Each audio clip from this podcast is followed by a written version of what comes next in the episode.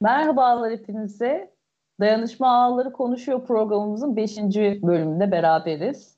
Ee, bugün e, daha önceden programı, e, son 3 programı beraber yaptığımız e, aynı arkadaşımız aramıza katılamadı ama selamlarını da onun, onun da iletelim size. Ee, bugün arkadaşlar programda e, konularımız aslında şunlar. Konuğumuz var. Ayvalık Yerel İnisiyatif'ten İlknur Kavlak bugün konuğumuz. Bu e, ve aslında sadece yani Covid sürecinde değil daha öncesinde kurulmuş bir yıllıkta bir deneyim biriktirmiş bir inisiyatif. Onların deneyimlerini ve Covid sürecindeki deneyimlerini de aslında bugün dinleyeceğiz. E, sonrasında e, hepinizin bildiği gibi e, hükümet bir normalleşme planı açıkladı e, ve e, bunun etkilerini biraz hepimiz görmeye başladık bu süreçte de. Bunun üzerine biraz tartışmaya ihtiyaç var diye düşünüyoruz. Normalleşme planını neler getirecek, bu nasıl bir normal onu tartışacağız. Ee, ve beraberinde aslında burada gelişen e, ekonomik, siyasal süreçleri de değerlendireceğiz beraber. Ee, İlk hoş geldin. Merhaba, hoş bulduk. Şimdi Ayvalık Yerel İnisiyatif'in aslında e, bizim dayanışma ağlarının Covid sürecinde kurulan dayanışma ağlarının öncesinde biriktirdiği bir yerel örgütlenme deneyimi var. Bu deneyimi senden dinleyelim. Hani nasıl başladı ve e, nasıl karar verdiniz e, bunu kurmaya ve ne gibi mekanizmalar işlettiniz, nasıl yöntemler işlettiniz bunları dinleyelim senden. Şimdi e, aslında bundan bir sene önce yani 2019'un Ocak ayında bir forum düzenlendi. Forumu Ayvalık'taki demokrasi platformu olarak e, işte içinde çeşitli kurumların olduğu demokrasi platformu yerel seçimlere giderken nasıl bir yerel yönetim istiyoruz ve bunu nasıl örgütleriz başlığında bir form düzenledik. E, form iki bölümden oluşuyordu. İlk bölümde Ayvalık'ın sorunları üzerine e, görüşler aldık. E, devamındaki kısımda ise peki sorunlarımız bunlar ama hani bunun için neler yapılabilir diye e, hemen hemen katılan herkes mahalle meclisleri kurulmasını önerdi. E, bu önerileri, sorun e, tespitlerini biz not aldık ve e, bir sonuç bildirgesi hazırladık. Hangi konularda konuşulduğu, e, hangi sorunlar üzerine yoğunlaşıldığı ve e, buna dair neler yapılabileceği üzerine. Bu sonuç bildirgesini Şubat başında yayınladık e, bir basın toplantısıyla. Ve o toplantıda aynı zamanda mahalle örgütlenmelerine çağrı yapacak şekilde e, bir koordinasyon oluşturduk. Yani her mahalleden en az bir kişi olacak şekilde e, bir, geçici bir koordinasyon oluştu. Geçici koordinasyon e, toplanaraktan bu çağrıyı nasıl yapabiliriz e, üzerine konuştuk. Etkinlikler düzenlemeye başladık, belgesel gösterimleri yaptık ve her etkinlikte de bu, forumda konuşulan şeyleri, oradan çıkan mahalle meclisi kurmanın ne kadar e, ihtiyaç olduğu fikrini insanlarla paylaştık ve herkes de e, buna katıldı. E, iletişimlerini bize bıraktılar ve e, her mahalle toplanırken bu e, gruplardaki arkadaşlara tek tek ulaşaraktan mahalle toplantılarına başladık. E, Ayvalık'ta e, merkezde e, tarihi kent e, bölümünde e, ki mahalleleri merkez mahalleler olarak bir meclis olarak ele aldık ilk başta. E, işte Armutçuk, Cunda, Çamlık, Sakarya, e, Yeni Mahalle, e, Altınova, Küçükköy, yani 10 tane mahalle üzerinden e, meclis toplantıları yapmaya başladık. Meclis toplantılarında ilk başta konuştuğumuz e, neden bir araya gelmeliyiz, bir arada ne yapabiliriz e, oldu. Yerel seçim öncesiydi e, ve aslında şeyi sorguluyorduk. Sadece biz seçmen değiliz, halkız. Hani bize oy verin diyorlar, oy veriyoruz. Aradan işte bir dahaki seçim dönemine kadar bizim e, beklememiz gerekiyor. Halbuki işte kentin bütçesi düzenleniyor, kararlar alınıyor. E, o, o süreçte hiç dahil olamıyoruz. E, sorunlarımız devam ediyor. Ayvalık'ın kendine özgü sorunları var. E, tarihi kent olmasının, e, işte ekolojik yağmaya açık olan bir noktada olmasının e, getirdiği e, farklı meseleler var. Burada zaten aslında belli alanlarda çalışmalar yürütülüyor. E, tabiat platformu olsun, kadın inisiyatifi olsun belli gündemli çalışmalar yürüyordu. Ama e, bunu mahalle bazlı yan yana gelerekten bu çalışmaları da destekleyecek tarzda e, gündemlerle toplanmaya başladık. Bir yandan etkinlikler devam etti. E, Ayvalık genelinde bir anket yaptık. Ankette Ayvalık'ın sorunları ve e, yerel yönetimden beklentiler üzerine sorularımız oldu. 400 civarında e, kişinin katıldığı bir anketti bu. Bir çerçeve çıkarmış oldu bu bize.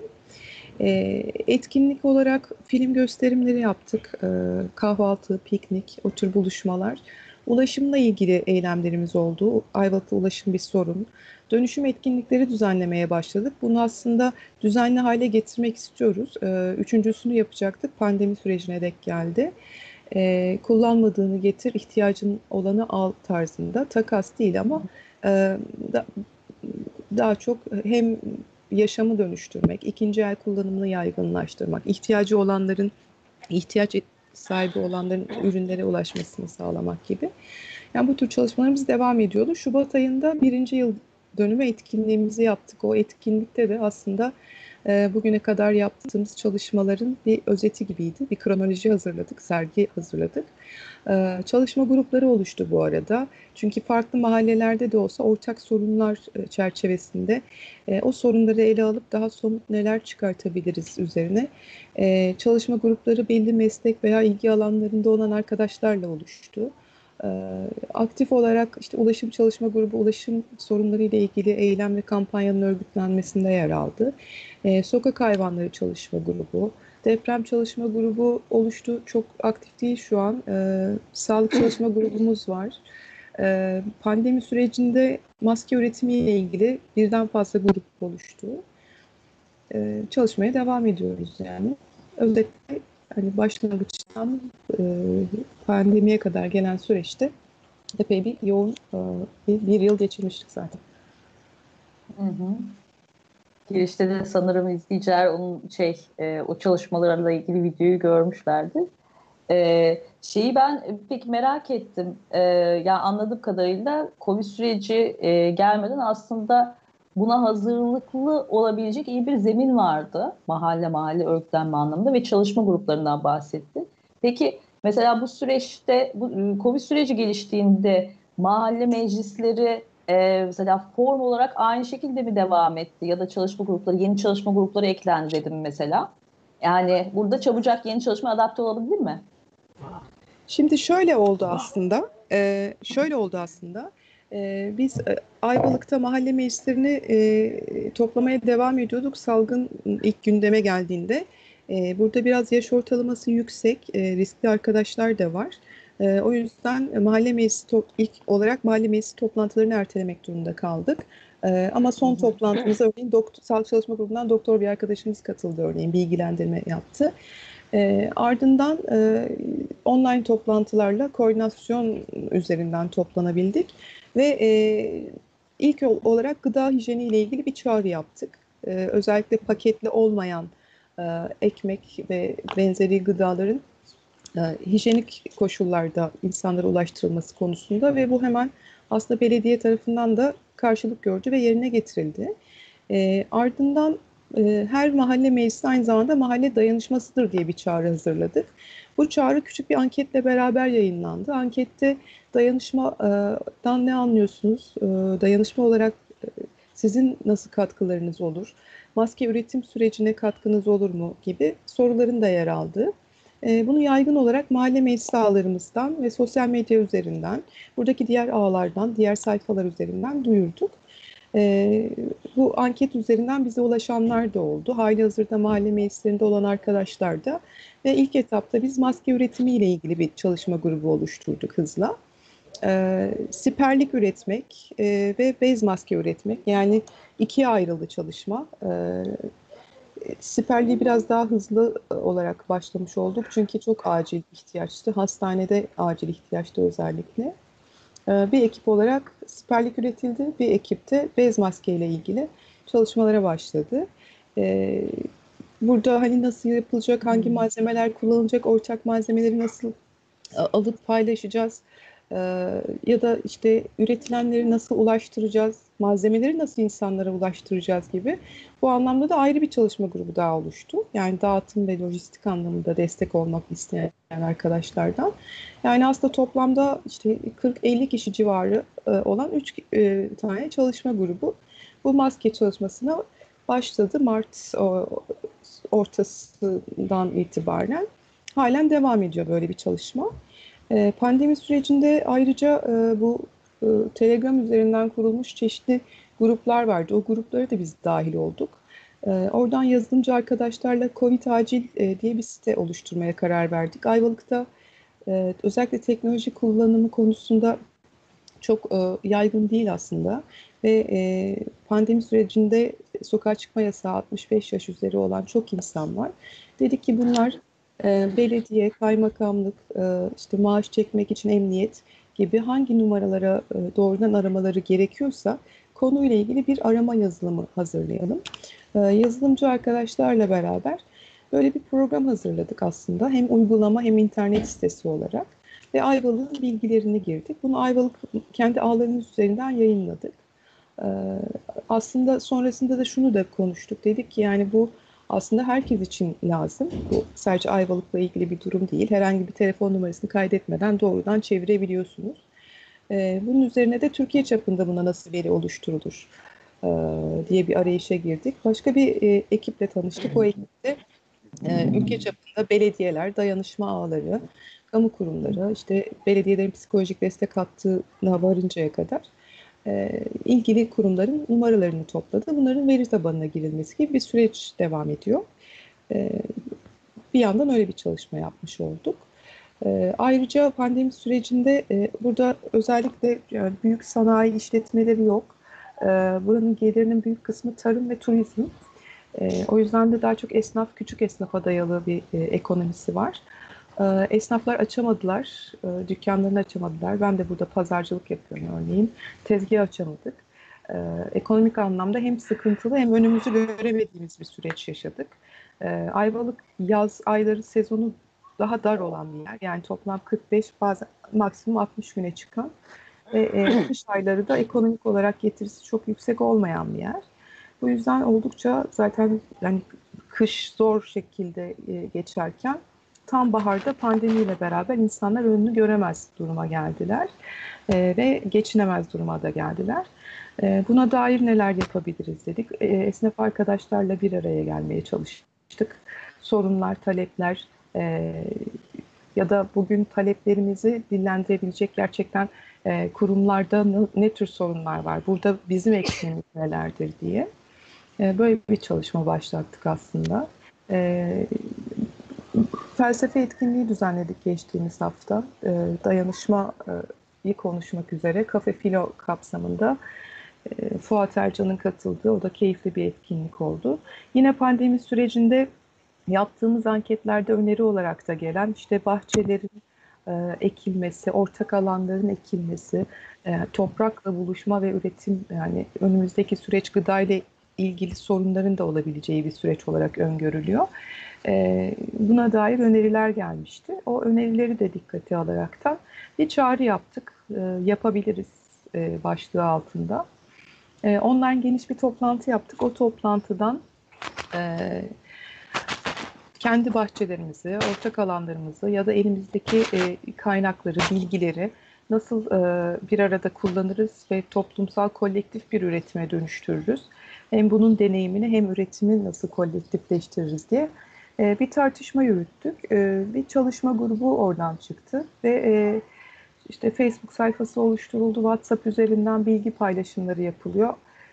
Pandemi devam ettiği için çok sık bir araya gelemiyoruz ama birbirinin bahçelerinden ürettiği ürünlerden haberdar olan işte fidedir, tohumdur. Bunun kendi arasında şu an paylaşımını yapan, bilgi paylaşımı yapan bir e, ekip oluştu ve bu e, geniş toplantıda e, yine bir anket çalışması planlamıştık. Çünkü e, kimisi balkonunda, kimisi bahçesinde, kimisinin tarlası var. Yani tarımsal deneyimi veya olanakları daha farklı.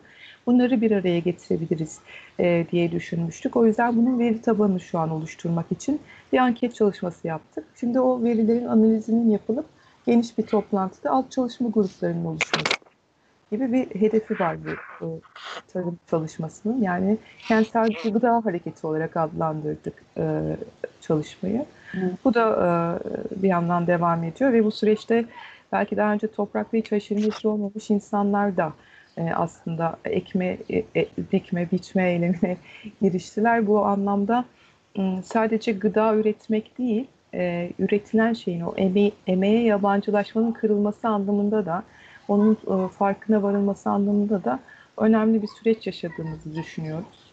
E, bir yandan da hani bunun hem fikrini hem dünyadaki uygulama tartışmalarını e, bir, bir arada yaparaktan e, bir yandan öğrenmek, bir yandan e, öğrenilebilir olduğunu ve yapılabilir olduğunu e, daha çok görünür olması ve bu anlamda da insanları cesaretlendirmek gibi bir e, yaklaşımla e, meseleyi ele almaya çalışıyoruz. Özetle yani yerel inisiyatifin başlangıcından bu yana hani yapmaya çalıştığı faaliyetler bunlar. Mahalle meclisleri iletişim ağları üzerinden devam ediyor. Duyurularımızı WhatsApp grupları üzerinden yapıyoruz, sosyal medya üzerinden yapıyoruz. önümüzdeki günlerde mahalle toplantılarında online olarak e, yapacağız eğer e, bu süreç biraz daha devam edecek gibi göründüğü için e, gündemli online mahalle toplantılarını yapacağız. Böyle özetleyebilirim yani. Evet. Buradaki deneyimimizle alakalı benim hani merak ettiğim birkaç tane daha şey var. Şeyi öncelikle söyleyeyim. E, bu gıda danışması ve e, gıda danışması diyorum. Şey bostan e, şey tohum ve fide ekibiyle ilgili İstanbul'da da birçok dayanışma ağında e, benzer bir süreç aslında e, harekete geçmiş oldu. Ben e, birçok dayanışma ağından hani arkadaşları tohum aldığını duyduk. Biz de Kadıköy olarak tohum aldık aslında biz de başlayacağız. E, ama mesela şöyle benzer bir tartışma örneğin Gazi'den arkadaşlar söylemişlerdi şöyle bir şey. Hani e, yani evet burada ekilebilecek çok fazla alan var. Ama şöyle yani ne kadarında eksik bu olanların e, bu bizim bu gıda sorunumuzu çözmez aslında. Yani konu burada aslında tek başına gıda sorunu çözmek değil. Elbette ona da bir miktar katkısı olur. Ama bu aynı zamanda bir işte sağlıklı gıda üretimiyle ilgili bir yaklaşım senin de dediğin gibi. Arkadaşlar da mesela benzer şeyler söylediler. E, bu gibi insanların sürece katılması için e, bir aslında olanak bir tarafıyla işte yaklaşım yani kendi gıdamızı üretme e, konusuyla ilgili bir yaklaşım aynı zamanda. E, bunların hepsi e, birçok şey öğretecek hepimize diye düşünüyorum ben de. Bir de şeyi merak ediyorum. Yani e, geçen hafta da biz e, programda bu, bu sefer Maltepe Dayanışma Ağı konuktu. Maltepe Dayanışma Ağı'nda da özellikle oradaki mahalle toplantıları ile ilgili örnekleri de hani sorduk, merak ettik, dinledik. Bu aslına bakarsan dayanışma ağlarının devamıyla ilgili, buradaki e, yerel örgütlenmeler olabilmesiyle ilgili bu ağların e, bugünden nasıl işliyor olduğu, karar alma süreçlerinin nasıl olduğu e, oldukça önemli gibi görüyorum ben. Geçen hafta da birazcık daha onu tartıştık. Bugün de tartışmaya çalışacağız. Mesela sen şeyi nasıl görüyorsun? Bir yılın aşkında bir deneyiminiz var. Burada mesela mahalle e, meclislerini kurduğunuzda ne konularda daha çok zorlandınız karar alma süreçleriyle ilgili? Mesela şöyle şeyler oldu mu? Ben zaman zaman şunu hissediyorum. Benzer süreçlerde de e, daha önceki meclisler deneyimlerinde de e, benzer şeyler hissetmiştim. Şunun gibi mesela yani bir yandan çok beraber karar almak ve beraber bir şeyi pratiğe geçiriyor olmak çok güzel geliyor. Ama bir taraftan da e, senin tam girerken bahsettiğin gibi bir seçim gündemi geldiğinde mesela e, insanların birçoğunun gündemi bir anda olabiliyor ve tekrar o eski alışkanlıklarla evet hani beraber karar aldığımız bir yapılanma değil de evet birini seçeceğiz ve e, öyle devam edeceğiz gibi. Buradaki karar alma süreçinin o zaman zayıfladığını ben görüyordum. Yani kendi kişisel çıkarımı böyle. E, siz orada nasıl gördünüz mesela sizin meclis yapılanmasında? Şimdi bizim e, mahalle meclislerinde karar alma süreçleri e, aslında mahallede bir araya geldiğimizde özellikle kendi mahallemiz ve Ayvalık'ın genel sorunları ile ilgili konuşurken daha çok böyle somut yaşadığımız, örneğin Çamlık'ta e, gerçekten bir yol sorunu var. Yolla ilgili işte ne yapabiliriz diye konuşuyoruz. Bir e, orada gönüllüler çıkıyor diyorlar ki işte biz bununla ilgili şu dilekçe hazırlayabiliriz. İşte e, orada toplantıda diyorlar ki bununla ilgili muhtarla gidip şu görüşmeyi yapabiliriz gibi. İşte dilekçe hazırlanıyor, gruba gönderiliyor. Bütün mahalle grupları, grubu bunu okuyor, önerilerini ekliyor vesaire. Yani bunun üzerinden bir girişimde bulunuyor. Bunun takibi beraber yapılıyor. Yani e, aslında ne yapılacağının kararını mümkün olduğunca zaten mahalle toplantılarında almak. E, bir de şöyle bir durum var. Mahalle toplantıları e, düzenli olarak her mahalle toplantısının bütün tutanakları mahalle grubuna düzenli olarak ulaştırılıyor. Çünkü her toplantıdaki bileşke aynı olmuyor.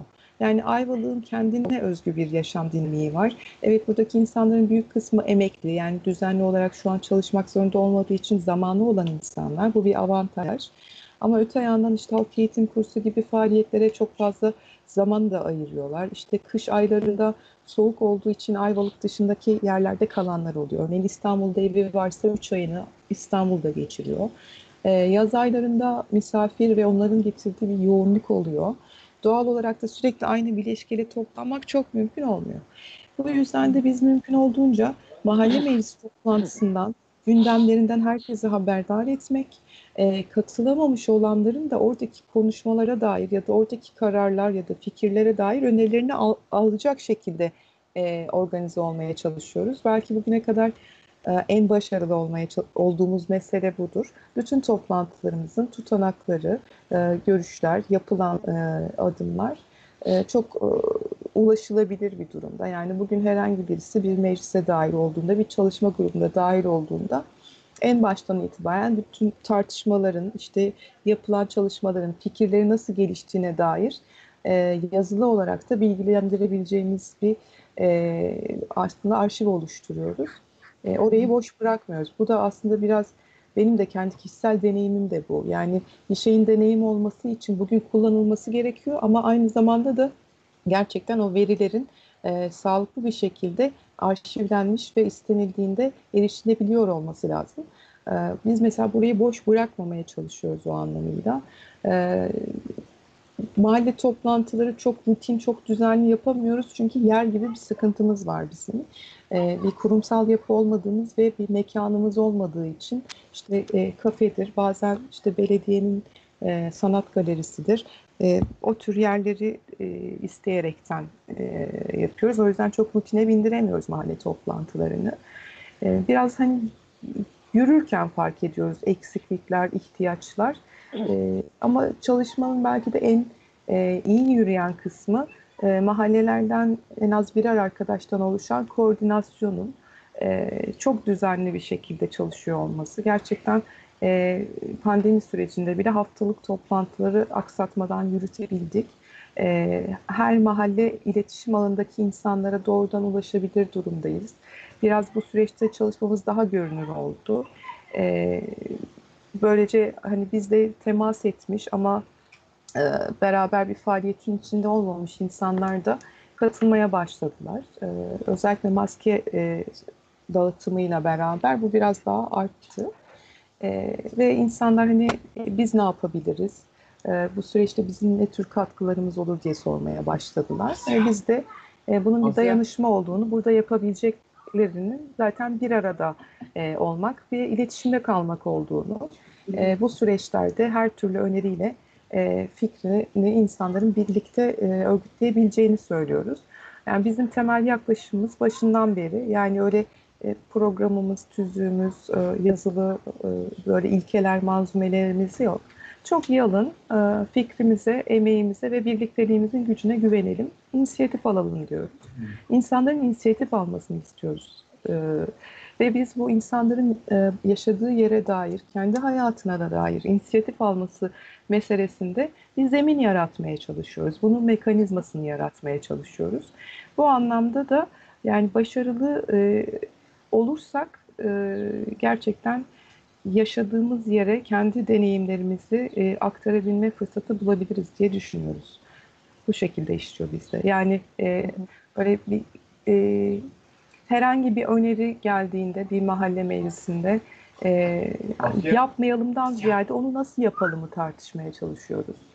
E, mümkün olduğunca yerelle ilgili, yerel sorunlarla ya da yerel yapabileceğimiz şeylerle ilgili e, yoğunlaşıyoruz. Yani gerçekten mesela siyasi bir çalışma değil. E, bunun bir birleştiriciliği de var. E, siyaset üzerine konuşmuyoruz. Öyle bir ihtiyaç ortaya çıkmıyor. Örneğin seçim sürecinde bile e, işte buradaki adaylar üzerinden insanlar birbirlerine soruyorlardı kimi destekliyorsunuz, kimi destekleyeceksiniz. Ee, bizlerden birilerine sorduklarında biz diyorduk ki yani gerçekten hani e, seçilecek olanın e, kimliği, karakteri partisinden ziyade biz e, kentimizde ne yapacağız? Yani belirleyici olan biz olacağız. E, eğer biz gerçekten kendi mekanizm, mekanizmalarımızı kurabilirsek, e, işte katılımcı belediye, işte sosyal belediye bunları zorlayabilirsek, bunları zorlayabilecek, bunları talep talebini oluşturup örgütleyebilecek bir e, ağa ulaşabilirsek bence belirleyici olan o olacak diye e, ifade ediyordum örneğin seçim sürecinde de. Hala da öyle düşünüyorum. Yani işte bugün e, arka arkaya kayyum haberleri gelmeye devam ediyor. E, bir yandan bu bütün yerel yönetimler üzerinde bir baskı oluşturuyor, bir basınç oluşturuyor. E, aslında birçok insan farkında bu durumun. O yüzden de e, meselenin e, böyle belki daha geçmişte olduğundan daha farklı ele alınması gerektiği. Örneğin biz e, yerel seçimden hemen önce, iki gün kadar önce Ayvalık'ta Ural Sineması'nda ters fikri belgeseli verdik. Aslında bu e, biraz yaklaşıma dair cevaptı. Yani işte yerel inisiyatif kimi destekleyecek sorusunda bir cevabıydı. Aslında halk inisiyatifini destekleyecek. Kendisinin bir e, kendi yaşantısına müdahil olan bir e, örgütlü toplum fikrini destekleyecek e, demiş olduk. O anlamıyla da e, bunun e, ihtiyaç olduğunu ve aynı zamanda da yapılabilir olduğunu göstermek kritik olduğunu düşünüyoruz. Hı hı. Ben de çok katılıyorum e, gerçekten de bu fikri. Şunu da merak ediyorum. Yani benim çok uzun zamandır temel hani toplumun hareketiyle ilgili, kitle hareketleriyle ilgili ve kendi öz örgütlenmeleriyle ilgili çıkarılan, çıkardığımız deneyimlerden üzerine düşündüğüm şöyle bir konu. Hani inisiyatif geliştirmesini istiyoruz diyorsun ya. Yani inisiyatif geliştirmek kendi hayatına dair ve genel olarak toplum hayatına dair kararlar alabilmek, fikir üretebilmek ve bunun için emek verebilmek meselesi. Şunu mesela fark ediyorum. Yani bu aslında hiç kolay bir şey değil. Çünkü e, bir yandan da bir toplumsal alışkanlık var. Sistemin böyle verdiği bir alışkanlık var. Yani hani dediğin gibi seçim seçimi oy vererek şöyle gibi yani hani birileri, birileri üretecek ve onlar yönetim sürecine hiçbir şekilde katılmayacak. Yani bazen akıllar da böyle çalışıyor oluyor. Mesela e, bu e, Ayvalık Yerel İnisiyatif'te bu e, birçok buraya katılan arkadaşların kendi inisiyatifini geliştirmek, aktif özneler olma anlamındaki sürecini nasıl değerlendiriyorsun diye soracağım. Şöyle bir şey de söyleyip böyle sorayım. Mesela biz dayanışma ağlarından farklı dayanışma ağlarıyla zaman zaman bir araya geliyoruz, sohbet ediyoruz, fikirlerimizi tartışıyoruz. Orada mesela ben şöyle bir şey görüyorum. Bazı dayanışma ağlarında e, genel olarak diyorlar ki mesela aşmaya çalıştığımız sorun şöyle bir şey. Mesela daha fazla insan e, emek veriyor, pratik sürece katılmak istiyor ama karar alma süreçlerinde ya da fikir üretmede çok fazla katılmıyorlar. Bazı yarışmaları böyle söylüyor. Bazıları ise şöyle söylüyorlar mesela. E, tartışma daha önde yürüyor ama pratiği gerçekleştiren, somut olarak pratiği gerçekleştiren bunun çok daha azı oluyor. Yani böyle mesela de böyle dengesiz durumlar olabiliyor. Tabii ki bunlar e, aşılabilecek konular beraber öğrendik ama sizin Ayvalık Yerel İnisiyatif'te bu konu nasıl değerlendirirsin bunun dengesine? Şimdi aslında katılımcı olması ve gerçekten insanların fikriyle beraber, emeğiyle beraber dahil olması çok önemli ama bu bazen gerçekten e, çalışmayı yavaşlatabiliyor. Yani e, sonuçta bir daha çok insanla bunu tartışmaya çalışmak, insanların genelinde sadece bu e, iktidarın yönetme biçimiyle ilgili değil aslında. Yani mesela mu, muhalefetin biçimiyle de ilgili. Yani muhalefet de muhalefetin yani muhalefetten de insanlar e, neye muhalefet edeceklerini, nasıl muhalefet edeceklerini üretmesini istiyorlar. Yani sadece Hı. iktidardan yönetme biçimi değil. E, yani o, onlar biraz alışkanlık gerçekten. Yani birileri karar versin, o karara bakalım, e, uyuyorsa biz de dahil oluruz gibi. Halbuki her insanın e, meseleye yaklaşımında e, bakışında gerçekten çok kıymetli şeyler var. Biraz e, biz buraya vurgu yapmaya çalışıyoruz. Yani gerçekten fi, insanın fikrine güvenmesi e, ve bunu birlikteliğin içinde e, hayata geçirebilmesinin e, ne bizim ihtiyacımız olduğunu e, ya da e, o fikir tartışmaların öne geçtiği yerlerde e, fikirlerin e, gerçekten kıymetli olduğunu onu eyleminizle, emeğinizle örgütlediğinizde ancak e, ortaya koyabilirsiniz e, vurgusu yaparak e, anlamaya çalışıyoruz aslında. Çünkü e, mesela bir fikir öne sürdüğümüzde eğer o fikrin e, gerçekten dönüştürücü, etkili, işlevsel ya da bugün bir ihtiyaca tekabül ettiğini düşünüyorsak e, ona dair adım adım emek harcamayı da göze almamız gerekiyor. E, bunu yapmadığımız noktada zaten o fikir değersizleşiyor. Yani kendi peşinden gitmediğimiz, kendimiz emek harcamadığımız bir fikre bir başkasını ya da başkalarını e, hadi gel bunun arkasından git, gel bunu beraber örgütleyelim demek zaten e, aslında absürt bir durum oluyor. E, o yüzden de biraz e, gerçekten insanların o e, sürekli kırılmış olan sistemin dayattığı o özgüven kırılması, yani bir yandan e, daha çok tartışmalarda en çok öne çıkan işte insanların egosu çok yüksek, herkes ben bilirim diyor. Hani e, böyle bir algı var ama ben daha çok tersini görüyorum. Yani e, insanlar hata yapmaktan korkuyorlar, birbirlerini incitmekten korkuyorlar, e, denemekten, yanılmaktan korkuyorlar, harekete geçmekten korkuyorlar. Yani e, bu bunu kırmak gerekiyor. Bu kırıldığı noktada zaten o zaman ortak bir üretimden ve birbirimizden öğrenmekten bahsedebiliriz. Yani bunun e, mesela yerel inisiyatifte özellikle koordinasyondaki arkadaşlarla konuşurken e, eczanenin pedagojisi yaklaşımını tartışmaya çalışıyoruz. Hı. Diyoruz ki bu bizim öğreteceğimiz bir şey yok. Biz birlikte öğren öğrenebiliriz ancak. E, o yaklaşımlardan biraz çıkmak gerekiyor. E, biraz bugüne kadar oturmuş belli tarzlar var gerçekten. Hepimizde var. E, onunla hesaplaşmak gerekiyor. Yani bu geçmişin deneyimini e, bugün deneyim olarak kullanmanın bir parçası da o zaten. Hani bugüne kadar Hı. aslında yap, yapmaya çalıştığımız şeyler aynı zamanda yapamadığımız şeylerdi. Ve burada ne kadar samimi, ne kadar rahat olabilirsek, evet şunu yaptık ama şu yüzden olmadı diyebilirsek, e, o anlamıyla samimi olmak çok önemli bence.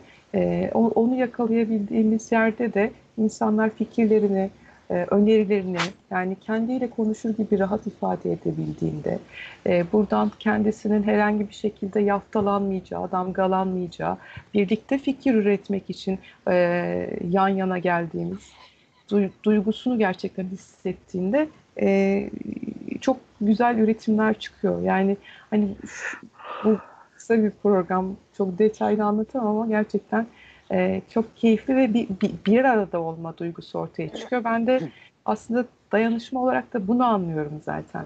Yani birbirinin fikrine e, daha doğrusu düşünebilme ve o düşüncesini bir arada sürdürebilme, onu eyleme dökebilme için yan yana olmak. Yani dayanışmadan anladığım mesele biraz da bu. O yüzden de mahalle meclisleri, yerel inisiyatif, inisiyatif alma, gönüllü çalışma deyince bunun bir dayanışma biçimi olduğunu ve bir kültür olduğunu aynı zamanda e, düşünüyorum. Bunun yaygınlaşması, yaygınlaşması fiili olarak çok daha hızlı oluyor ama fikren e, bunun daha e, oturtularak e, yaygınlaşması daha zor ve zamana yayılacak bir süreç. Yani e, işte pratik işler bizi içine çekiyor. Çok da keyif alıyoruz gerçekten. Çünkü böyle karanlık e, bir gündem içerisinde e, aslında hayata tutunma biçmemiz. Geçtiğimiz günlerde yaptığımız etkinlikte maske ekibinden bir arkadaşımız diyordu ki ya siperlik lazım değil mi artık üretemeyecek miyiz ne yapacağız peki o zaman diye. Yani böyle gerçekten bu, bu süreçte insanlar emeklerini e, dönüştürebileceğini gördüler. Bu süreçte bile yani insanların işte televizyondan ölüm haberlerini beklediği, e, kapısından dışarı çıkamadığı bir süreçte bile kendi emeğinin e, aslında nasıl bir ihtiyacı bir arada karşılayabildiğini ve bu ihtiyaç da üstelik koskoca devletin karşılayamadığı bir şey maske gerçekten e, üretebildiğini gördü. E, bunun sadece birilerine maske ulaştırmak bunun gerçekten bir deneyim olarak e, o yapabiliriz duygusunu, bir arada yapabiliriz, ben yapabilirim e, duygusunu cesaretlendirecek, görünür kılacak bir şey olması ve o anlamıyla kalıcılaşması, o anlamıyla ilham vermesi. Belki bundan bir sene sonra, iki sene sonra bu detayları hatırlamayacağız ama e, bu, bu duyguyu paylaşmış olduğumuz insanlarla, e, bu ahlakla, bu yaklaşımla yol alıyor olacağız ve o, kazanımımızda olacak diye düşünüyorum. Evet. Çok önemli noktaları değindim bence de. Hani bu aslında e, herkesin kendinde yaşadığı dönüşümle de alakalı. E, beraber özgürleşme deneyimi olarak aslında dayanışma pratiklerinde bunu yaşadığımızı görüyoruz hepimiz bir tarafıyla. Küçük bir şey ee, miyim? Tabii.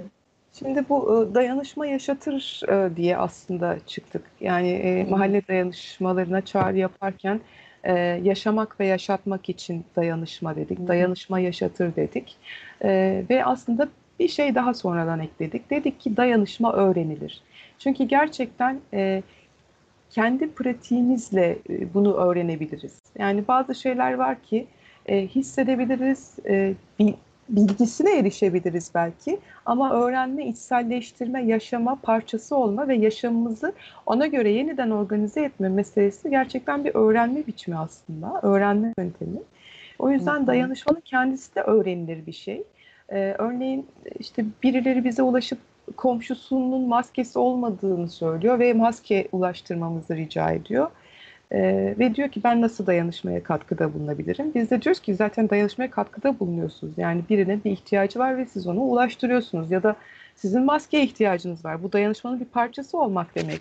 Yani biz bir şeyi vermek, almak, alışveriş üzerinden e, kodlamıyoruz zaten dayanışma dediğimizde. Yani bunun bir alan tarafı var, bir veren tarafı var, bir yapan tarafı var, bir tüketen tarafı var gibi düşünmüyoruz. Yani bunun kullanacak olan da, kullanım için ihtiyacı olana ulaştıracak olan da, üreten de, malzemesini katkı olarak sunan da e, bu dayanışmanın bir parçası ve e, biz buradan aslında dayanışmanın nasıl bir şey olduğunu öğreniyoruz. Yani bu bir örnek. Yani e, yarın bu bahçe e, tarım çalışması geliştikçe o da bir örnek olacak. Bütün hepsi aslında e, biz kendi hayatlarımızı da yani bu sisteme rağmen, bu yönetenlere rağmen kendi alanlarımızdan da başlayaraktan e, eleştirdiğimiz şeyi nasıl yapmayız? Ya da eleştirdiğimiz şeyin yerine nasıl bir ilişki ağını e, öneriyoruzu deneyimleme e, fırsatı aynı zamanda. O yüzden ben e, yani bu pandemi sürecini e, hiç karamsar, hiç e, böyle yandık bittik diye bakmadan e, biraz da hani daha çok bu tür şeyleri iktidarlar fırsat olarak ele alıyorlar ama ben e, bizim açımızdan da bir fırsat olduğunu düşünüyorum. E, en azından birbirimizi anlama, birbirimizle e, yan yana durma ve ihtiyaçlarımızı bir arada giderebileceğimize dair daha fazla e, somut fikre sahip olma açısından e, o anlamda yoğun ve enteresan bir süreç yaşıyoruz.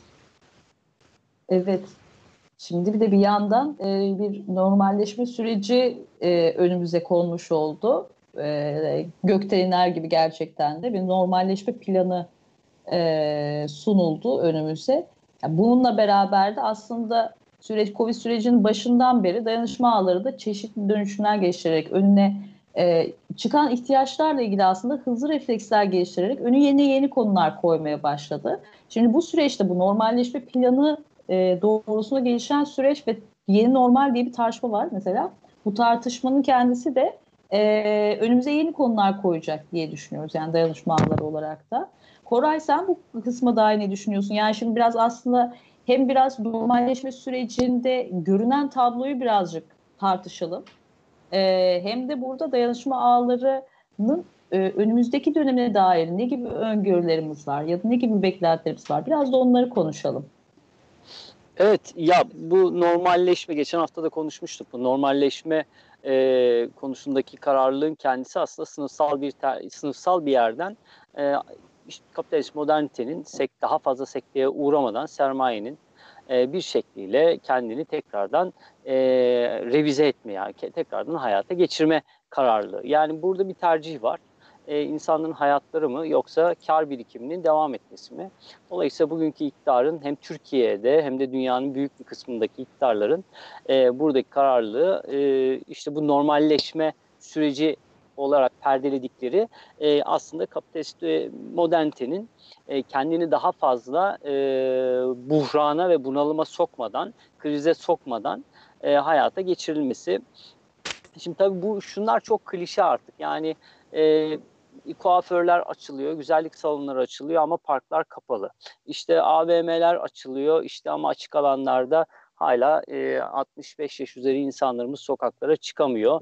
Bu ne e, yaman çelişkidir. Yani burada artık bunlar üzerinden çok devam etmenin anlamı yok. Bence kum saati oldukça hızlı bir şekilde ilerliyor. Yani e, dayanışmalar dayanışmaların kaderi de Türkiye siyaseti ve dünya siyasetiyle e, ilişki içerisinde. Evet biz böyle e, dayanışmalarda ufak ufak e, pratikler, dayanışma pratikleri gerçekleştiriyoruz ama bu ufak ufak dayanışma pratiklerinin kendisi aslında önüm, eğer gerçekten başarılı bir süreç e, ortaya çıkarsa etkisi ve e, çarpacağı yer Türkiye siyaseti içinde belli e, belli bir yere e, oturacak, denk düşecek. Yani şunu demek istiyorum. Tarihten okumalar üzerinden bir meseleye biraz bakmak gerekiyor. Yani 1929 büyük ekonomik buhranı sonrası e, dünyada şöyle bir e, durum ortaya çıktı. E, kapitalist e, modernitenin e, iktidarları bu süreci, bu buhrandan sonraki e, süreci yönetebilmenin anahtarı fiili faşizm olarak ortaya çıkarttılar. Bunun karşısında da halklar direniş örgütlenmeleri içerisine geçiş yaptılar. Yani işte keza Türkiye'de e, başka bir versiyonu 1970 Türkiye'si yani 68 gençlik devrimi ve hemen ardından gelen 1980 12 Eylül e, hem eko, 24 Ocak ekonomik kararları ve sonrasında 12 Eylül askeri darbesi olarak şekillendi. Yani bugün de e, kapitalist modernitenin içine girdiği iktisadi kriz e, her geçen gün daha da büyüyen e, örnekleriyle e, bizim karşımızda duruyor. Dolayısıyla buradaki okumayı e, biraz daha e, derinlemesine yapmak gerekiyor. Yani e, en büyük e, fotoğraftan e, süzülerek çekeceğimiz ta dayanışma ağlarının pratiklerine kadar çekeceğimiz bir e, yetiyi ve tartışmayı biz ortaya çıkartmamız gerekir. E, dayanışma ağları gerçekten sadece bu sürecin e, ihtiyacına yönelik olduğunu düşünmüyorum. Bugüne kadar dayanışma ağlarında ortaya çıkan pratikler zaten bizim geçmişten biriktirdiğimiz Gezi isyanındaki birikim hatta daha öncesi tekel eylemlerinde, Ankara'da tekel eylemlerinde biriktirdiğimiz e, birikimler üzerinden şekilleniyor ve artarak, çoğalarak, yaygınlaşarak devam ediyor. Dolayısıyla bu dayanışma ağları bugünden işte pandeminin e, noktalandığı e, zamana kadarki bir birliktelik olduğunu düşünmüyorum. Aynı zamanda Türkiye siyaseti ve dünya siyasetinden de Irak ve bağımsız olduğunu düşünmüyorum. E, dayanışma yani bu normalleşme meselesi bence e, gittikçe aslında şey sıkılıyor. Yani e, biraz daha e, bu çelişkiler yoğunlaşacak. İşte ölümler artabilir, artacak, e, virüsün yayılma oranları yükselecek ama bir yandan da işte adının normalleşme dedikleri bu mesele, e, bu e, kapitalist krizi, e, krizin daha fazla derinleşmesini sırf sermaye adına e, önleme çabasının kendisi e, Türkiye'de e, görünüyor ki iktidarın otoriter anlayışını daha fiili e, bir e, duruma doğru götürecek. Yani bunun emareleri işte bugünden ortaya çıktı. İlknur söyledi yani e, herkes can derdindeyken kayyum darbesiyle e, Kürt halkının iradesi gasp ediliyor. Yani e, şu anda 65 belediyenin 45'i darbe yapılarak e, ele geçirildi. Yani darbeden en fazla mağdur olduğu iddiasında e, olan iktidar aslında Türkiye tarihinin en fazla darbesini yaptı. 45 tane darbe yaptı bugün bu iktidar. Yani Türkiye'de 45 tane Türkiye'de darbe olmadı. Dolayısıyla bugün öyle bir e, şey yok. E, bir tartışma bile olmaması lazım. Türkiye'de darbeci kimdir diye bir tartışma söz konusu olmaması lazım. E, onun için onun dışında e, işte İş Bankası na e, e, ele geçirme, İş Bankası'nı e, kendi bünyelerine alma talimatı saraydan geliyor. E, onun dışında işte Rütük e, haber e, bültenlerinde yorum yapılmasının yasaklanabileceğine dair bir e, gö, işte Hitler Göbels'in aratmayacak bir tavır sergiliyor.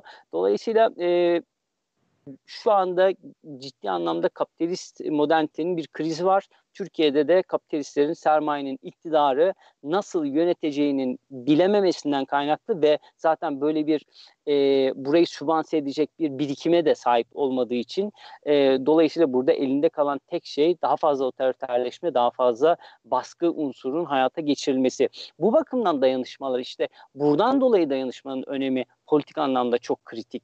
Yani biz bir araya geliyoruz. Biz bugünün ihtiyaçları için birlikte bazı şeyleri, bazı gedikleri, açıkları kapatabiliyoruz.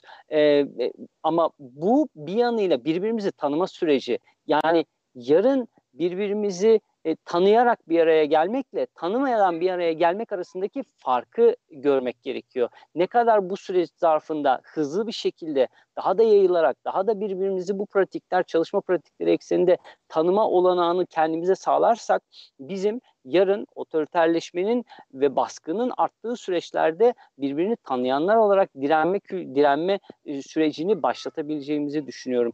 Ee, mesela bugün dayanışma çalışmaları Kadıköy ekseninde veya diğer dayanışma alanında da böyle olduğunu düşünüyorum. Dayanışma içerisinde bulunduğumuz insanlar dayanışma çalışmalarına kendiliğinden katılımı gerçekleşiyor.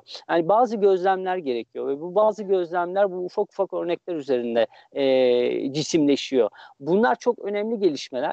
E, bence dayanışma ağlarının e, daha hızlı, daha güçlü ve daha cesaretli bir şekilde e, bu çalışmalarını arttırması ve taşırması lazım. Mesela Kadıköy e, özelinden yine e, söylemek gerekirse e, daha öncesinden birçok e, daha öncesinden daha eskiden kalma e, dinamikler var. Yerel dinamikler var. Yani mahalle örgütlenmeleri var. Bu mahalle örgütlenmelerinin daha e, cesaretli bir şekilde dayanışma ağlarıyla ortaklaşması gerekir. Muhtarların daha cesaretli bir şekilde dayanışma ağlarıyla ortaklaşması lazım. Yani dayanışma ağları gerçekten e, birleşik bir mücadelenin belki de en geniş çeperini şu anda e, ifade ediyor. Dolayısıyla biz e, şu anda ayrıksı durumu tamamen ortadan kaldıran ortaklaşmayı ve bir aradalığı e, çok en geniş e, parantezde e, ortaya çıkaran bu dayanışma ağlarında buluşmamız e, çok kritik olduğunu düşünüyorum. Geçen hafta söylemiştik Kadıköy'de e, tarım yani sağlıklı gıda üretimine dair bir e, kampanya var. Bu kampanyanın e, geçen haftadan bugüne kadar iki farklı yerde ekimi gerçek, dikimi gel, fide dikimi gerçekleşti. Bu arada ekim değilmiş, fi, fide dikimiymiş. Onda böyle e, bu evet, işlerle doğru. çok e, çok iyi uğraşan arkadaşlar WhatsApp gruplarında bilgiler verdikçe biz de böyle bilgileniyoruz. Çok da iyi oluyor. E, bu e, sağlıklı gıda üretimine bu hafta da devam edeceğiz. Daha da e, güçlü devam edeceğimizi düşünüyorum. E, bu katılımcılığı artıran bir çalışma aynı zamanda. Keza sıcak yemek dağıtım çalışması çok iyi gidiyor. Yani her akşam e, 50'den fazla insana e, sıcak yemek götürülüyor veya e, sokakta yaşayan arkadaşlarımız kendileri sıcak yemekleri e, yaptığımız yere geliyorlar ve alıyorlar. E, bu ilişkiler e, her geçen gün e, başka sıcak, başka samimi ve e, güven ilişkisine doğru gidiyor. Yani bence dayanışma ağları çok önemli iş yapıyor. En önemli yaptığı iş şu.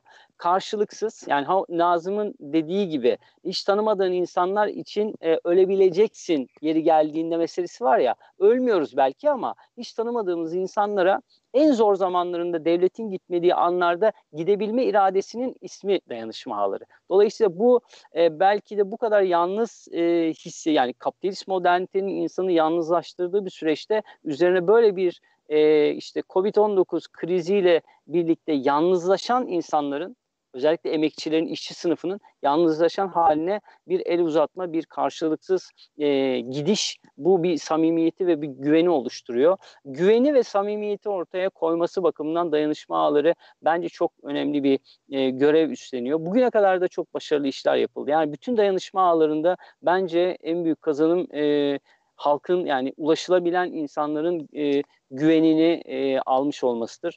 Bizim belki de en büyük ileride e, sırtımızı yaslayacağımız şey e, işte halkın e, bize olan bir dayanışma ağlarındaki insanlara olan güveni. Yani sadece dayanışma ağlarında da değil. Dayanışma ağları bir yere ait de değil. Gerçekten halkın e, işte yerellerde yaşayanların bir araya gelerek bu süreçte birbirlerine destek olma arayışı. Dolayısıyla aynı zamanda birbirlerine güven güvenebilme kültürü yani dayanışma kültürü bir yanıyla da birbirine güvenebilme kültürü. E, son bir şey daha ekleyeyim böyle hızlı hızlı konuşuyorum çünkü İlknur çok güzel konuştu ve uzun konuşmasına rağmen çok keyifli dinledim. E, az zaman kaldığını biliyorum onun için böyle paldır küldür konuşuyorum. Yani bu seçim meselesine arada girdiniz ya. Ya Türkiye'de seçim meselesi ben artık şey görmüyorum bir seçim görmüyorum. Yani ben e, Türkiye'de bir burjuva iktidarlarında olan bir seçim gibi bir seçim yok. Artık gerçekten e, görüyoruz ki e, iktidar e, bugünlerde şunu yapıyor.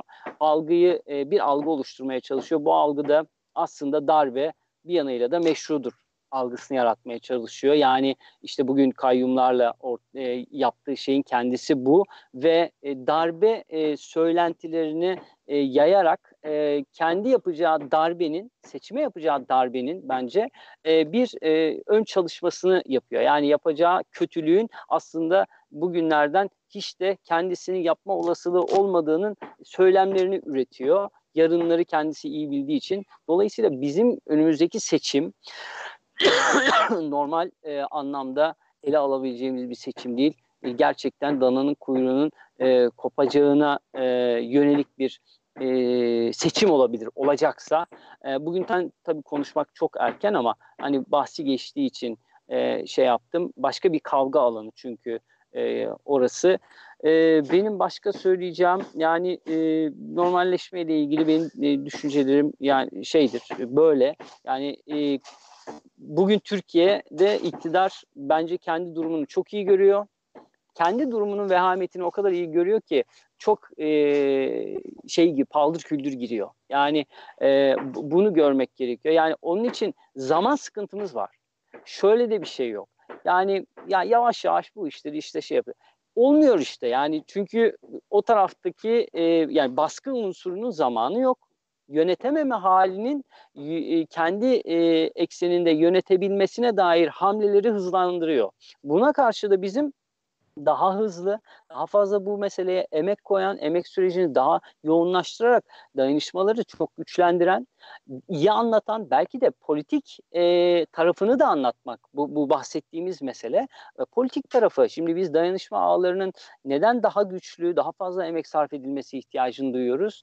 İşte bir yanıyla Türkiye siyasetinin gerçekliğinin den dolayı duyuyor. Kum saati e, çok ciddi anlamda bitmek üzere o, o, zaman biz de halk olarak, emekçiler olarak e, bir e, dayanışma ağlarını çok güçlendiren, kalabalıklaştıran, nitelik ve nicelik anlamında e, büyüten bir bakışı, bir emek sürecini ortaya koymak gerekiyor. Emek koyduğumuz zaman her şey gerçekten oluyor. Hiç zor değil. Yapılamaz denilen birçok şeyi yapılabiliyoruz. İktidarın söylediği şey çok doğru. Yani burada ütopyayı ütopya olarak görülen şeyleri pro, küçük prototiplerde olabilitesini ortaya koyuyoruz. Yani sen dedin ya Cemre, yani biz Türkiye'nin her tarafına e, patates gönderebilecek bir çalışma yapmıyoruz. Yapamayız zaten. Ama şunu yapabiliyoruz. Tarım politikalarının bugün ne kadar insan hayatına kasteden politikalar olduğunu ortaya koyuyoruz ve bunun alternatifini biz başka bir dünya mümkünatında hep birlikte kolektivize edebiliriz. Çünkü bugün edebiliyoruz. Bugün küçük ölçekte edebiliyorsak yarın başka bir dünyanın mümkünatı olasılıkları içerisinde bunu daha güçlü yapabiliriz. Bunu eğer biz hissedersek eden, bunun öznesi olan e, yerden eğer tecrübe edersek o zaman bu bizde bir ütopya olmaktan çıkıyor. Bir gerçeklik olarak ortaya çıkıyor. Dolayısıyla bizim bugün yaptığımız e, sıcak yemek çalışması olsun, siperlik olsun, maske olsun, işte e, tarım çalışması olsun bunların hepsi e, bir prototip ve bu prototip gerçekliği yani ütopyayı gerçeğe çeviren prototipler. Bu bakımdan bu tecrübeyi daha fazla insanın yaşaması e, umut yani geleceğe dair umudun kendi ellerinde olduğunu ve yanındaki birlikte yaşadığı insanlarla olduğunu görecektir diye düşünüyorum. Evet, e, yani e, ikinizin de aslında tarif ettiklerinizden e, çıkan sonuç benim e, benim için şöyle şuna ihtiyaç var gerçekten. Bugün olandan çok daha fazlasının toplumun daha fazla kesiminin e, kendi kaderini ellerine almaya bir kere cüret etmesi. Buna bir kere niyet etmesi. Kendi doğrudan söylemini, talebini, eylemini pratiğini geliştirebilmesi, beraber birbirinden öğrenerek, beraber karar alarak. Yani bu olmadığı koşulda bunun yerine e, konabilecek bir şey yok aslında. Yani bunun alternatif olabilecek bir şey yok. Öyle gibi gözüküyor. Hele ki bu normalleşme tartışmasıyla beraber bunun çok daha yakıcı olarak e, bir ihtiyaç olduğunu göreceğiz diye düşünüyorum. Birkaç tane mesela bir e, haber e, paylaşayım herkesle. Örneğin hani Sağlık Bakanı'nın açıkladığı R0 değeri 1.56 R0 değeri açıklayıp buna rağmen salgını kontrol altına aldık diyebiliyorlar mesela. Yani bu, bu şöyle bir şey gösteriyor aynı zamanda. Bu sadece burada bakmamız gereken salgının aslında yayılmaya devam ettiği meselesi değil. Burada konuşu aynı konuşmanın içinde salgının yayılmaya devam ettiğinin verisini verip aynı zamanda salgını kontrol altına aldık yalanını söyleyebilmek.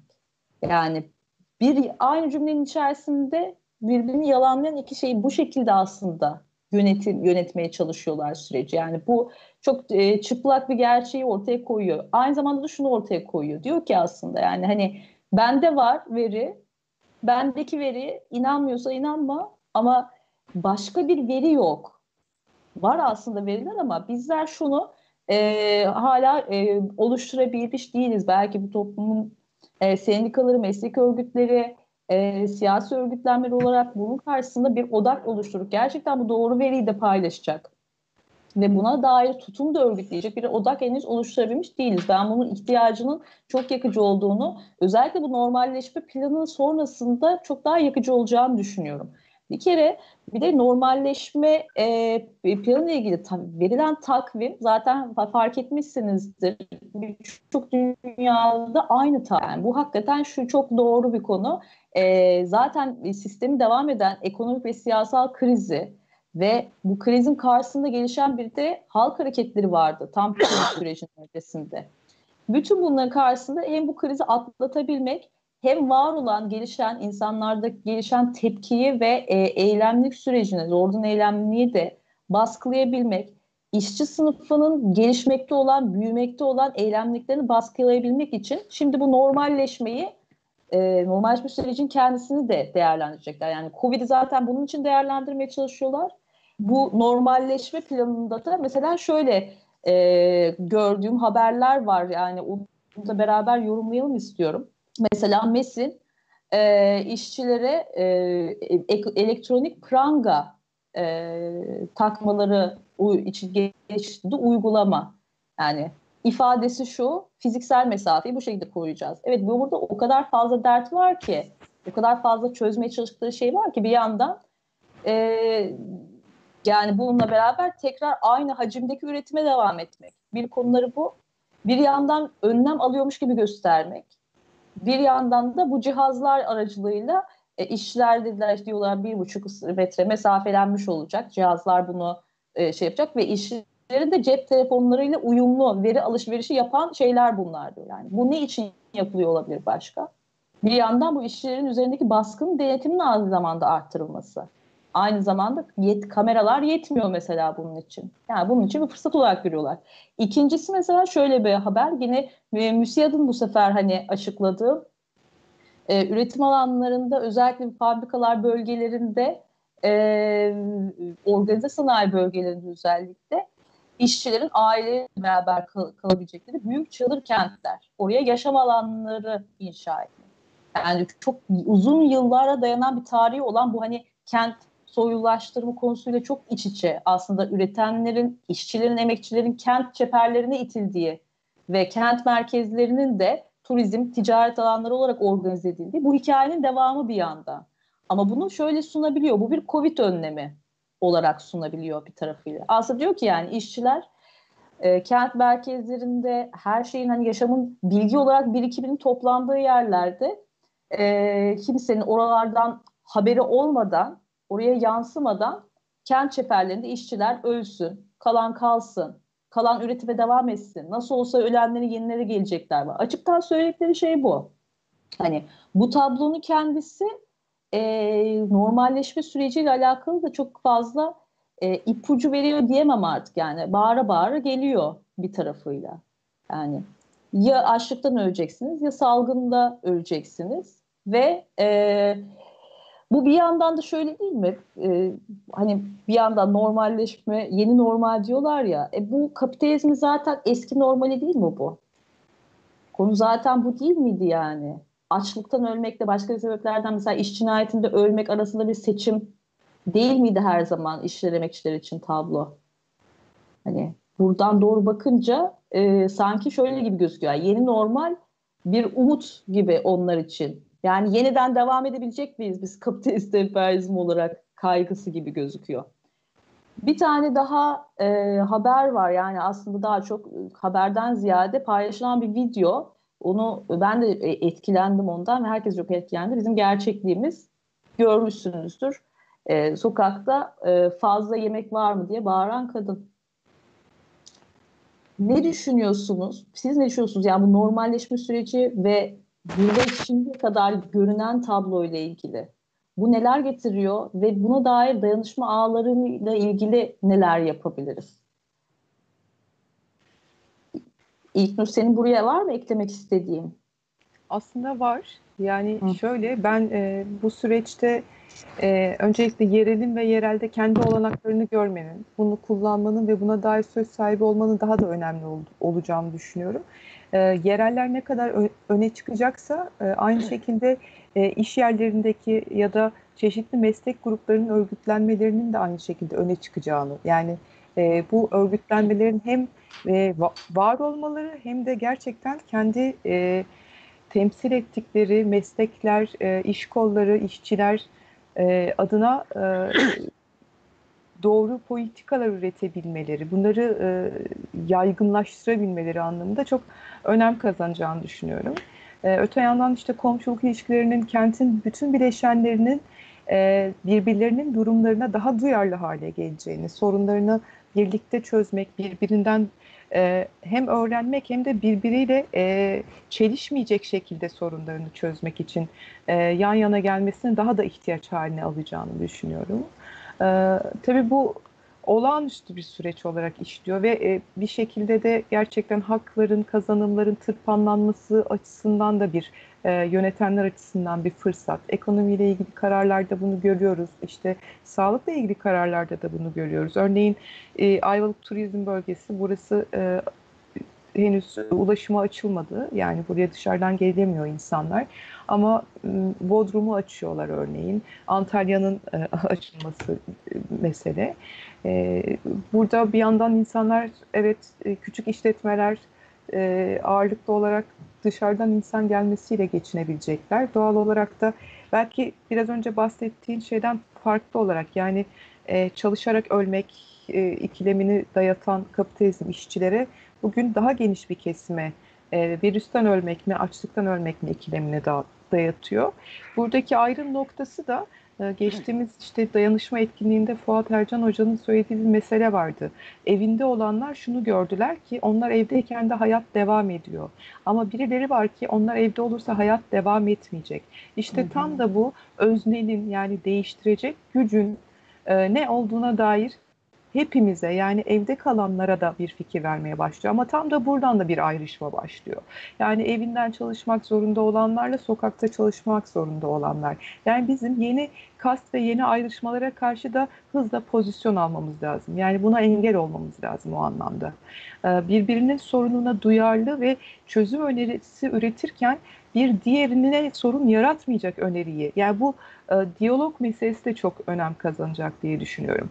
Biraz önce bahsettiğin işte farklı meslek örgütlerinin, meslek odalarının, siyasilerin bir araya gelmesi tam da bu yüzden lazım zaten. Örneğin burada e, turizmciler istiyorlar ki sezon bir an evvel açılsın çünkü para kazanmak zorundalar. E, ama bir yandan burada 60 yaş üzeri çok fazla insan var. E, onlar da ölmek istemiyorlar. Yani devlet hastanesinde 7 tane sadece yoğun bakım yatağı var. E, ee, 70 bin nüfuslu bir Ayvalık zaten normalde yeterli olmayan bir e, sağlık altyapısı var. Bunun üzerine e, 400 bin üzerine çıkan bir Ayvalık'ta bu e, imkansız bir hal alacak. E, şimdi e, bir kısım virüsten ölmek istemiyor, bir kısım açlıktan ölmek istemiyor haline geliyor. Yani bence kapitalizm bir boyut atlatarak bize e, bu seçimi bize yaptırıyormuş gibi göstermeye çalışıyor. Milli Eğitim Bakanı diyor ki çocuklar okulların açılmasını istiyor. Yani aslında e, bu, değil. Yani sistem kendisinin e, kurtarabilecek ya da sürdürebilecek şeyleri e, arayışı içinde ama bunu e, bir daha büyük bir manipülasyonla yapmaya çalışıyor. Bu manipülasyonu nerede kırarız? Nerede biz bu meselelerden karşı karşıya gelmeyiz de yan yana durabiliriz? İşte tam da bu. Yani bize virüsten ya da açlıktan ölme tercihini dayatanlara karşı yan yana durmak. Yoksa virüsten ölmek isteyenler ölmek istemeyenlerle açlıktan ölmek istemeyenlerin birbirine düşmesinden e, ne e, ölümü engelleyebiliriz, ne zulümü engelleyebiliriz, ne açlığı engelleyebiliriz. E, bu anlamda doğru diyalogların, doğru çözüm önerilerinin tartışılabilmesi lazım. Yani bir bakış açısından bunu yapmak çok mümkün değil. Bir meslek örgütünden, bir iş kolundan, sadece bir sendikanın yaklaşımından bunu yapabilmek mümkün değil. Yani e, kentin, yaşamın, diğer bileşkelerinin de dertlerini dinlemek ve burada ortak çözüm önerisi çıkartabilmek, ortak talepler çıkarabilmek. Evet burada hep önümüze işte ne yapalım kaynaklarımız yok deniyor. Tam da bu noktada belki daha çok insanın e, bütün kaynakların e, hepimize yeter olduğunu görmesini sağlamayı önümüze koymamız gerekiyor. Bu genel olarak işte insan ihtiyacın sınırsızdır manipülasyonunu belki önümüze yatırmamız gerekiyor. Yani aslında bizim bugün gördüğümüz her şey e, önümüze yeni bir iş, yeni bir e, alan yaratıyor. Yeni bir e, mekanizma, yeni e, yöntemler e, arayışına itiyor bizi. E, bir yanıyla şudanın da çok önemli olduğunu düşünüyorum. Bu e, pandemi öncesinde zaten vardı otosansür, sansür, kriminalize etmek, e, işte hukukun geldiği durum zaten ortada.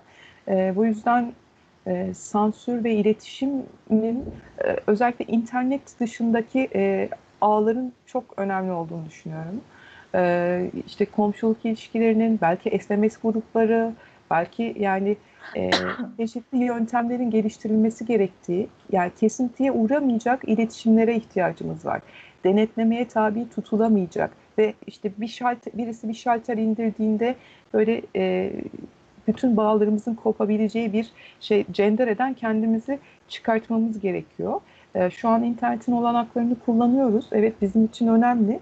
E, ama burada sıkışıp kalmamak e, gene dediğim gibi biraz önce önümüze yeni yöntem ve araçları e, koyabilmemiz gerekiyor. Bu süreç onu da hızlandıracak diye düşünüyorum ben.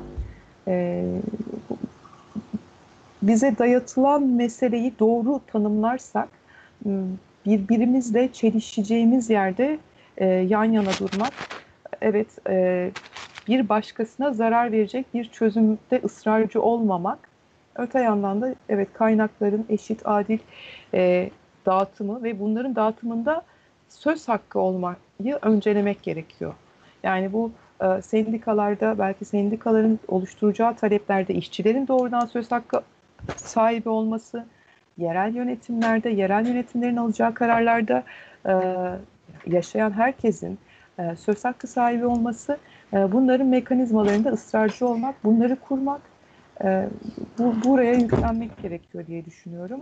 Yoksa yani bize bir tercih bırakıldığı yok, e, bize bir gelecek e, tahayyül edin e, dendiği yok ama biz bunu yapmak zorundayız. Evet. Koray bu kısma dair senin var mı eklemek istediğin? Ya, kısaca aslında o verdiğin örnek e, gerçi ben de izledim ve çok e, etkileyici ve çarpıcı. Yani e, kadın arkadaşın sokakta fazla yemeği olan yok mu? Ç- çığlığı belki e, sadece birçok insanın çığlığı. Yani sadece ona ait bir çığlık değil. E, bugün Türkiye'de bu çığlığı atamayan milyonlarca insan var. E, biz tam da işte Kadıköy dayanışma ağında ve diğer bazı dayanışma ağlarında e, yapılan bu sıcak yemek e, üretim çalışması, kolektif bir şekilde yapılan üretim çalışması e, biraz e, buraya denk düşüyor. Bu e, tespit ve bu öngörü üzerinden yapılan bir çalışma. E, işte gittikçe insanların dayanma gücü ortadan kalkıyor. Bu dayanma gücünün ortadan kalkma halini e, ancak bir araya gelişlerle tam da o çığlığı atan aslında e, kadın arkadaşın olduğu yerde bir dayanışma ağının en baştaki öznesinin o kadın arkadaşın olması güvenini aslında bir şekilde dayanışma ağlarından e, ulaştırmamız lazım. Yani o çığlığı atan insana burada bugün dayanışma ağlarının çok ihtiyacı var. Yani onu bence e, o çığlığı atanın ihtiyacından çok dayanışma ağlarının o çığlığı atana ihtiyacı var. Bizlerin o çığlığı atan insanlara ulaşmamız lazım. Yardım et yani dayanışmak için evet ama asıl dayanışma ağlarının öznesi, ilk elden öznesi onlar. O öznelerin bu dayanışma ağlarında aktif olarak yer alabilme alanı olduğunu ortaya çıkartmak ve onlara ulaştırmak zorundayız. Burası bir örgütlenilebilir bilir alan haline dönüşmeli. Dayanışma ağları, yardım kuruluşları veya işte e, insanların kendi vicdani e, duygularını e, zaman zaman giderebilecekleri bir uğrak yeri değil. Burası örgütlenilebilir bir alan. Örgütlenilebilir bir alan olduğunu ifade etmek, bunu pratik e, pratikler içerisinde sesini yükseltmemiz gerekiyor. Çünkü ben gör, ben şöyle bir gözlemim var. Bazı insanlar buranın e, gerçekten vicdani rahatlama alanı olarak görebiliyorlar.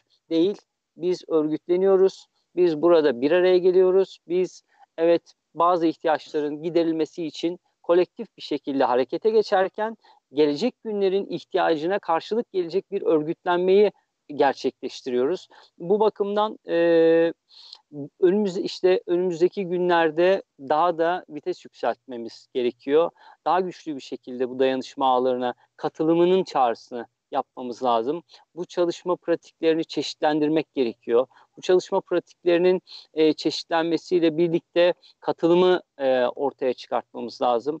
E, yani ben çok umutluyum. E, bu evet çok zor günler. İnsanların çok büyük e, yoklukları ve yoksunlukları var. E, fakat işte çelişkiler maalesef ki e, sorunun temelinin ne olduğunun anlaşılmasının da bir e, anahtarı oluyor. E, yeter ki bu anahtarı açabilecek kapıya kapıyı bulalım, kapıyı oluşturalım hep birlikte. E, biz bu kapıyı bu dayanışma ağlarıyla birlikte oluştururken e, şunun da çağrısını e, artık e, yapmanın ve yükseltmenin zamanı geldiğini düşünüyorum. Yerellerden bu dayanışma ağları güçlü bir irade ortaya koyarken Türkiye'nin genelinde bir e, kriz koordinasyon merkezinin hala ortaya çıkarılmamış olmasının bir sorumluluğu var veya sorumsuzluğu var. Yani muhalefet cephesinin hala bir e, iki buçuk aya yaklaşan bir süre zarfında e, ve onlarca e, yanlışa, e, yönetememe haline rağmen nasıl bir mer- kriz koordinasyon merkezi kuramamış olmalarını da herkesin sorması ve bunu bir talep olarak kamuoyunda dile getirmesi gerekir. Bu ülkede e, koca koca muhalefet partileri var. Koca koca sendikalar var. Muhalif sendikalar, devrimci sendikalar var. Bu ülkede sivil toplum kuruluşları var. Demokrasi, demokratik kitle örgütleri var bunların e, yerellerde nasıl dayanışma ağları bir araya geliyorsa, halk nasıl bir araya geliyorsa merkezi anlamda da bu bir araya gelişlere çok daha büyük ihtiyaç var. Yani şunu mu diyeceğiz? Ya ortada e, yıllardır kurulmuş partilerin e, aslında böylesi bir süreçte ihtiyaç duyulan birleşik mücadeleyi ortaya koyabilecek iradesi yok, halkta var. Güzel ama yani halkın da biraz e, oy verdiği partilerin, güven duyduğu sendikaların, işte TTB'nin ve diğer e, odaların, sivil toplum kuruluşlarının bir araya gelerek bu mücadele ritmine ortak olmaları gerekir. Bana sorarsanız halkın yerellerdeki bu iradesi bu partilerin, e, bu kitle örgütlerinin, demokratik kitle örgütlerinin biraz ilerisine geçti. Yani burada birazcık e, silkelenmeleri gerekir ya da onları halk yerelden, tabandan e, silkelemesi lazım. Yani atması değil, harekete geçirmesi anlamında bir silkelenmeyi, e, bir kamuoyu basıncını ortaya çıkartması lazım bir talep olarak. E, çünkü zaman daralıyor. E, biz Kadıköy Dayanışma Ağı olarak bu talebi ortaya çıkaran bir iradeyi e, en azından olgunlaştırdık. Önümüzdeki günlerde de bunu kamuoyuna talep olarak sunacağız. Umarım kamuoyu bu talebe e, duyarlılık gösterir ve e, diğer dayanışma ağlarıyla birlikte ortak bir şekilde harekete geçirici bir basıncı yaratabiliriz diye düşünüyorum. Evet. Buna dair ben o de zaman... kısa bir şey söylemek isterim aslında. Tabii. Hı hı. Şimdi e, dayanışma aslında e, tam da anla, anlatmaya çalıştığımız gibi bir diğerine ulaşarak onunla beraber e, nasıl yaşayacağımızı planlama meselesi. Bu yüzden de e, Koray'ın bahsettiği kriz koordinasyon ya da halkın bilim kurulu yani adı veya biçimini biz belirlemeyiz elbette. Yani yan yana gelecek olanlar belirler ama yan yana gelip bu anlamda biraz önce bahsettiğim birbiriyle çelişkili gibi e, duran meseleleri ya da yaklaşımları ortaklaştıracak bir politika üretilmesine çok ihtiyaç var. Yani bu ihtiyacı özellikle hali hazırda dayanışma ağları olmayan İstanbul'un ilçeleri ya da yerellerinde ya da ülkenin diğer noktalarında daha fazla olduğunu düşünüyorum ben. Örneğin Ayvalık, yani İstanbul'un şöyle avantajları var. Sizin orada e, daha fazla sendikacı arkadaşlar vardır. Belli odalarla yani bir e, hukuk, bir diyalog, bir ilişkiniz daha kolay yürüyordur. Ama e, mesela Ayvalık'ta bu e, o düzeyde bir e, ilişki veya bir beslenme biçimi ortaya çıkmıyor. Muhtemelen başka yerlerde de öyle. Gerçekten İstanbul birçok şeyin merkezi. Pandeminin de merkezi ama toplumsal muhalefetin de merkezi. Dayanışma ağları deneyiminin de şu anlamda çeşitliliğiyle bir merkezi halinde. O yüzden de e, aslında bu dayanışma ağları kendi ağlarında üretilen deneyimler kadar e, bu ağları geliştirecek e, ortak politika, talep, doğru bilgi e, bunların nasıl mekanizmalarla e, ulaştırılacağı sorularına cevap aramak üzere bahsettiğimiz bütün kurumların yani tırnak içinde hatırlarsak Taksim dayanışması gibi bir belki e, durumdaki Taksim dayanışması da e, öncesinden var olan ama Gezi direnişinde bir kriz durumunu da bir arada ele alıp onu hem içinde yaşarken de o süreci yönetmeye çalışan bir çok geniş bir bileşkeydi.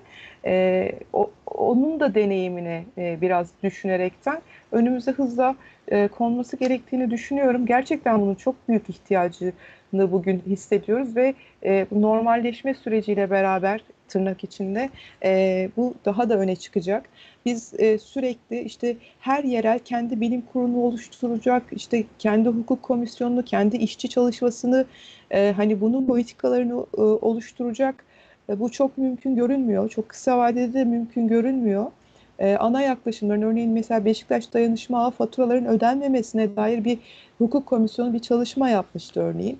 Bu, bunun gibi çalışmaları başlıklandırabilecek ve yerellerin de kendi ihtiyaç duyduğunda bu bilgilerden yararlanarak kendi yerelinde bu, bunları somut e, taleplerle örgütleyebilecek başlıklandırmalara ihtiyacı var. Bu birikmiş olan bilgilerin ya da e, daha merkezi olarak yapılabilecek, üretilebilecek e, bilgi ve yaklaşımlardan beslenmeye bizim ihtiyacımız var. Eminim ki şu an dayanışma ağı olmayan yerlerin de buna ihtiyacı var. O yüzden dayanışma ağları belki kendi içlerinde tartışıyorlar. Yani kriz koordinasyon ya da adı ne olursa olsun böyle bir daha geniş ve e, politika üretebilecek, yan yana durabilecek bir e, başka bir zemin e, tartışmasını mümkünse bu tartışmayı yapan arkadaşların kendi ihtiyaçlarından çok e, dayanışmaya daha çok ihtiyacı olan bu anlamda ağ olarak dayanışmasını kuramamış e, yerelleri de hesaba katarak düşünmelerini özellikle ben rica ediyorum. E, yani mesela Kadıköy'ün birinci ihtiyacı bu olmayabilir ama birçok yerde böylesi bir çalışma olursa e, yerel dayanışma ağlarının kurulması ve e, hareket edebileceği zeminin oluşması mümkün olacak ya da e, kurulmuş yerlerde çalışmalar daha hızlı, daha somut e, şeylere dönüşebilecek. Yani mümkünse bütün dayanışma ağları bu meseleye yaklaşımı sadece kendi ihtiyaçlarından değil toplumun genel ülkenin bütün e, bölgelerindeki çalışmanın ihtiyacı olarak e, düşünüp tartışabilirlerse e, umarım verimli bir sonuç alınır Evet, e, önemli bir vurgu. Ben de öyle olacaktır diye düşünüyorum. Çünkü aslında benzer bir murat var bütün dayanışma ağlarının içinde. O zaman önümüzde şöyle konular duruyor gibi gözüküyor. Önümüzdeki hafta da e, normalleşme süreci tartışmalarına devam etmek gerekiyor gibi görüyorum ben. Çünkü daha kim bilir neler yaşayacağız. Bir arada haber daha mesela Uşak'ta yeni, yeni normal başlayıp da e, normalleşme planı devreye girip de berberlerin açılmasına itibaren sadece Uşak'ta 26 tane berberin koronavirüs testi pozitif çıkmış. Kim bilir bunun e, kaç kişiye e, etkisi olacak göreceğiz önümüzdeki günlerde. Önümüzde de şöyle gündemler duruyor aslında. Biraz bugün bir girizgah yapmış olduk. Dayanışma olarak da, ağları olarak da önümüze aldığımız şöyle gündemler var. İşsizlik büyüyor, açlık büyüyor, katlanarak bu büyüyecek. Bunu hepimiz görüyoruz. Ve bugün dün dayanışma ağlarının pratiğinde de paylaşılabilen şeyler e, yarın bu ölçüde de paylaşılamaz hale gelecek. Bir tarafı da bu. Çünkü herkesin kendi ekonomik durumu da aslında daha e, kötü gideceği bir tablo e, gözüküyor burada. Çünkü e, sistemi kendi girdiği bu krize bir şekilde birilerinin sırtına atması lazım. Bunu işlerin, emekçilerin sırtına atacaklar. Nasıl yapacaklar bunu? Ücretleri düşürerek yapacaklar. Planları bu demeye çalıştım. Çünkü e, bu planları da çok e, hiç beklemedikleri bir şekilde tersine de dönebilir. Bu çünkü işlerinde ne yapacağına bağlı bir konu. Hani ama niyetleri bu yani bizim sırtımızda e, bu krizi e, atlatmaya çalışmak niyetleri bu. Bir yandan baskı ve denetimi arttırmak bütün toplum üzerinde. Mesela hani bu mesleğe ilgili verdiğim örnek bunun benzeri Singapur'da e, mesela çipli kimlikler şeklinde var. Artık insanlar gönüllü olarak deniyor e, gidip e, her yere işte alışveriş yaparken otobüse binerken aynı kimlikle aslında bir iz bırakarak sürekli her şeyi denetleyebileceği şekilde çipli kimliklerle gitmeyi giriş buna başlanmış. E, bir yandan da böyle bir sürecin e, gelişimi yani bunu e, yönetenler, egemenler, sermaye sahipleri e, bu araçlar için kullanacaklar, kullanmaya çalışacaklar. Tabii ne olacağını beraberinde şu belirleyecek gerçekten bugün sağlığı, gıdayı, e, insan yaşamını sürdürmek için ihtiyacı olan her şeyi üretenler buna nasıl bir cevap verecek? Salgınla, salgından ölmekle açlıktan ölmek arasında bir seçim yapmaya itilenler buna nasıl bir cevap verecek? E, kendi doğrudan eylemiyle nasıl cevap verecek? Bu belirleyici olacak. Bir yandan o yüzden ben e, gözümü dikip bir yandan oraya bakıyorum. Hani kendim de bir çalışanım ama, ama bütün bir bütün olarak çalışanların buradaki e, eylemli ne olacak, cevabı ne olacak bu önemli gibi geliyor bana. Bizler de o dolayısıyla dayanışma ağlarında önümüze e, yeni konular çıkacak. Bunlarla karşılaştığımız zaman mesela hani e, fazla emek var mı diyen kadının gibi ya bu dün de vardı sonuçta hani e, bu ilk kez yeni çıkmış bir şey değil ama böyle sokaklarda bir daha birçok e, insanın e, gezmeye başladığını gördüğümüz zaman biz farklı olarak ne yapacağız, nasıl bir adım atacağız? Önümüzde duran konular bunlar bir yandan.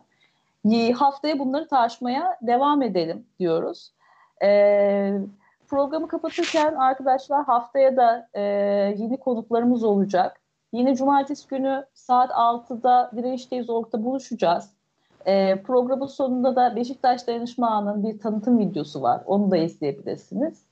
Hepinize e, dayanışmayı büyüteceğimiz ve bu sorular üzerine tartışacağımız bir süreç e, diliyorum. Kafamızdaki bu soruları tartışalım ve büyütelim. Bu soruları daha fazla insanın sorusu haline getirmeye çalışalım diyorum ben kendi adıma.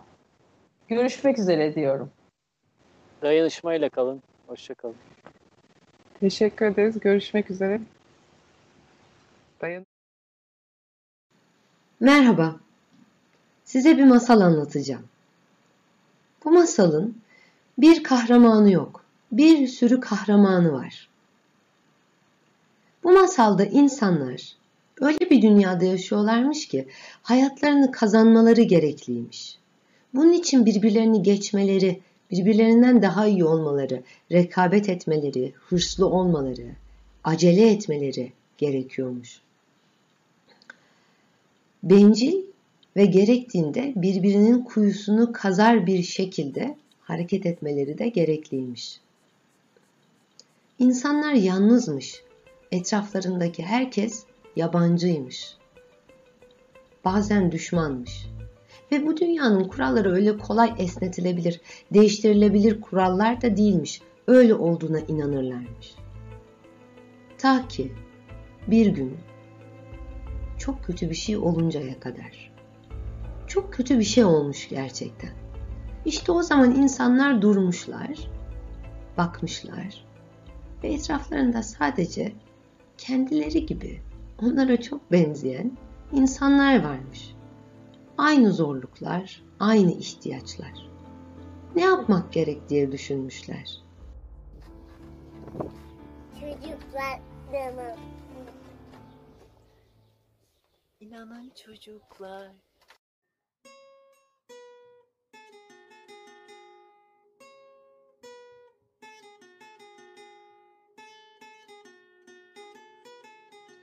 Beşiktaş'ta oturan bir grup ilçe sakiniyiz biz. Biz zor günlerde dayanışma içinde hareket etmek için bir araya geldik. Koronavirüsün görülmeye başlamasından hemen kısa bir süre sonra yaşanabilecek zorlukların ancak dayanışma ile aşılabileceği düşüncesi bizi ortaklaştırdı. Şu an İstanbul'un 20'den fazla ilçesinde kendine özgü dinamiklerle ve kendiliğinden örgütlenen dayanışma ağlarının ilki Kadıköy'de kuruldu. Bizim de Beşiktaş'ta birbirimizi bulmamız uzun sürmedi. Beşiktaş'ta yoğun duyuru faaliyetleri gerçekleştirdik. Bu şekilde birçok gönüllüye ulaştık. Bir yandan da risk grubundaki komşularımıza ulaşmaya, ihtiyaçlarını tespit etmeye çalıştık. Mahalle mahalle, sokak sokak astığımız afişlerin yanı sıra sosyal medyayı da ağımızı duyurmak için kullandık. Hem fiziksel hem de sanal ortamda yaptığımız bu faaliyetlerle dayanışma ağımızın gün geçtikçe büyümesini sağladık.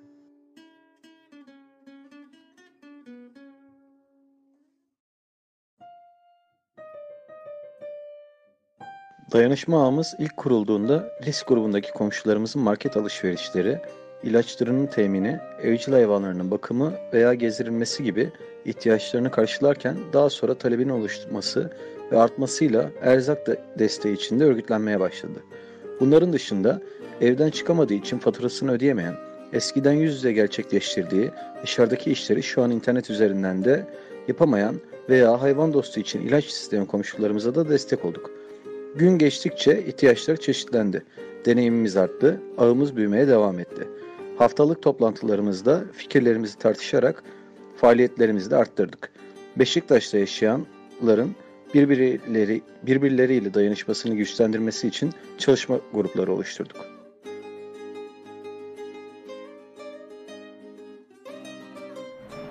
Erzak desteklerinin hızlı bir şekilde dağıtılmasını sağlamak amacıyla erzak çalışma grupları oluşturuldu. Erzak desteğine ihtiyaç duyan ihtiyaç sahipleri genellikle afişler üzerinde yer alan telefonları üzerinden bizlerle iletişime geçerek taleplerini ilettiler. Bizler de bu talepler doğrultusunda o bölgeye en yakın oturan gönüllüyle iletişime geçerek bu ihtiyaçların karşılanması yönünde çalışmalar yürüttük. Kendi imkanlarıyla bu ihtiyaçları karşılamayanlar araç desteği verebilecek diğer gönüllülerle iletişime geçerek bu ihtiyaçların karşılanması yönünde yine aynı şekilde çalışmalarda bulundu. İlçemiz dışında da ortaya çıkan ve yakın ilçelerde oturan ihtiyaç sahiplerine de tanıdıklarımız vasıtasıyla yine aynı şekilde erzaklarını ulaştırdığımız durumlarda mevcut.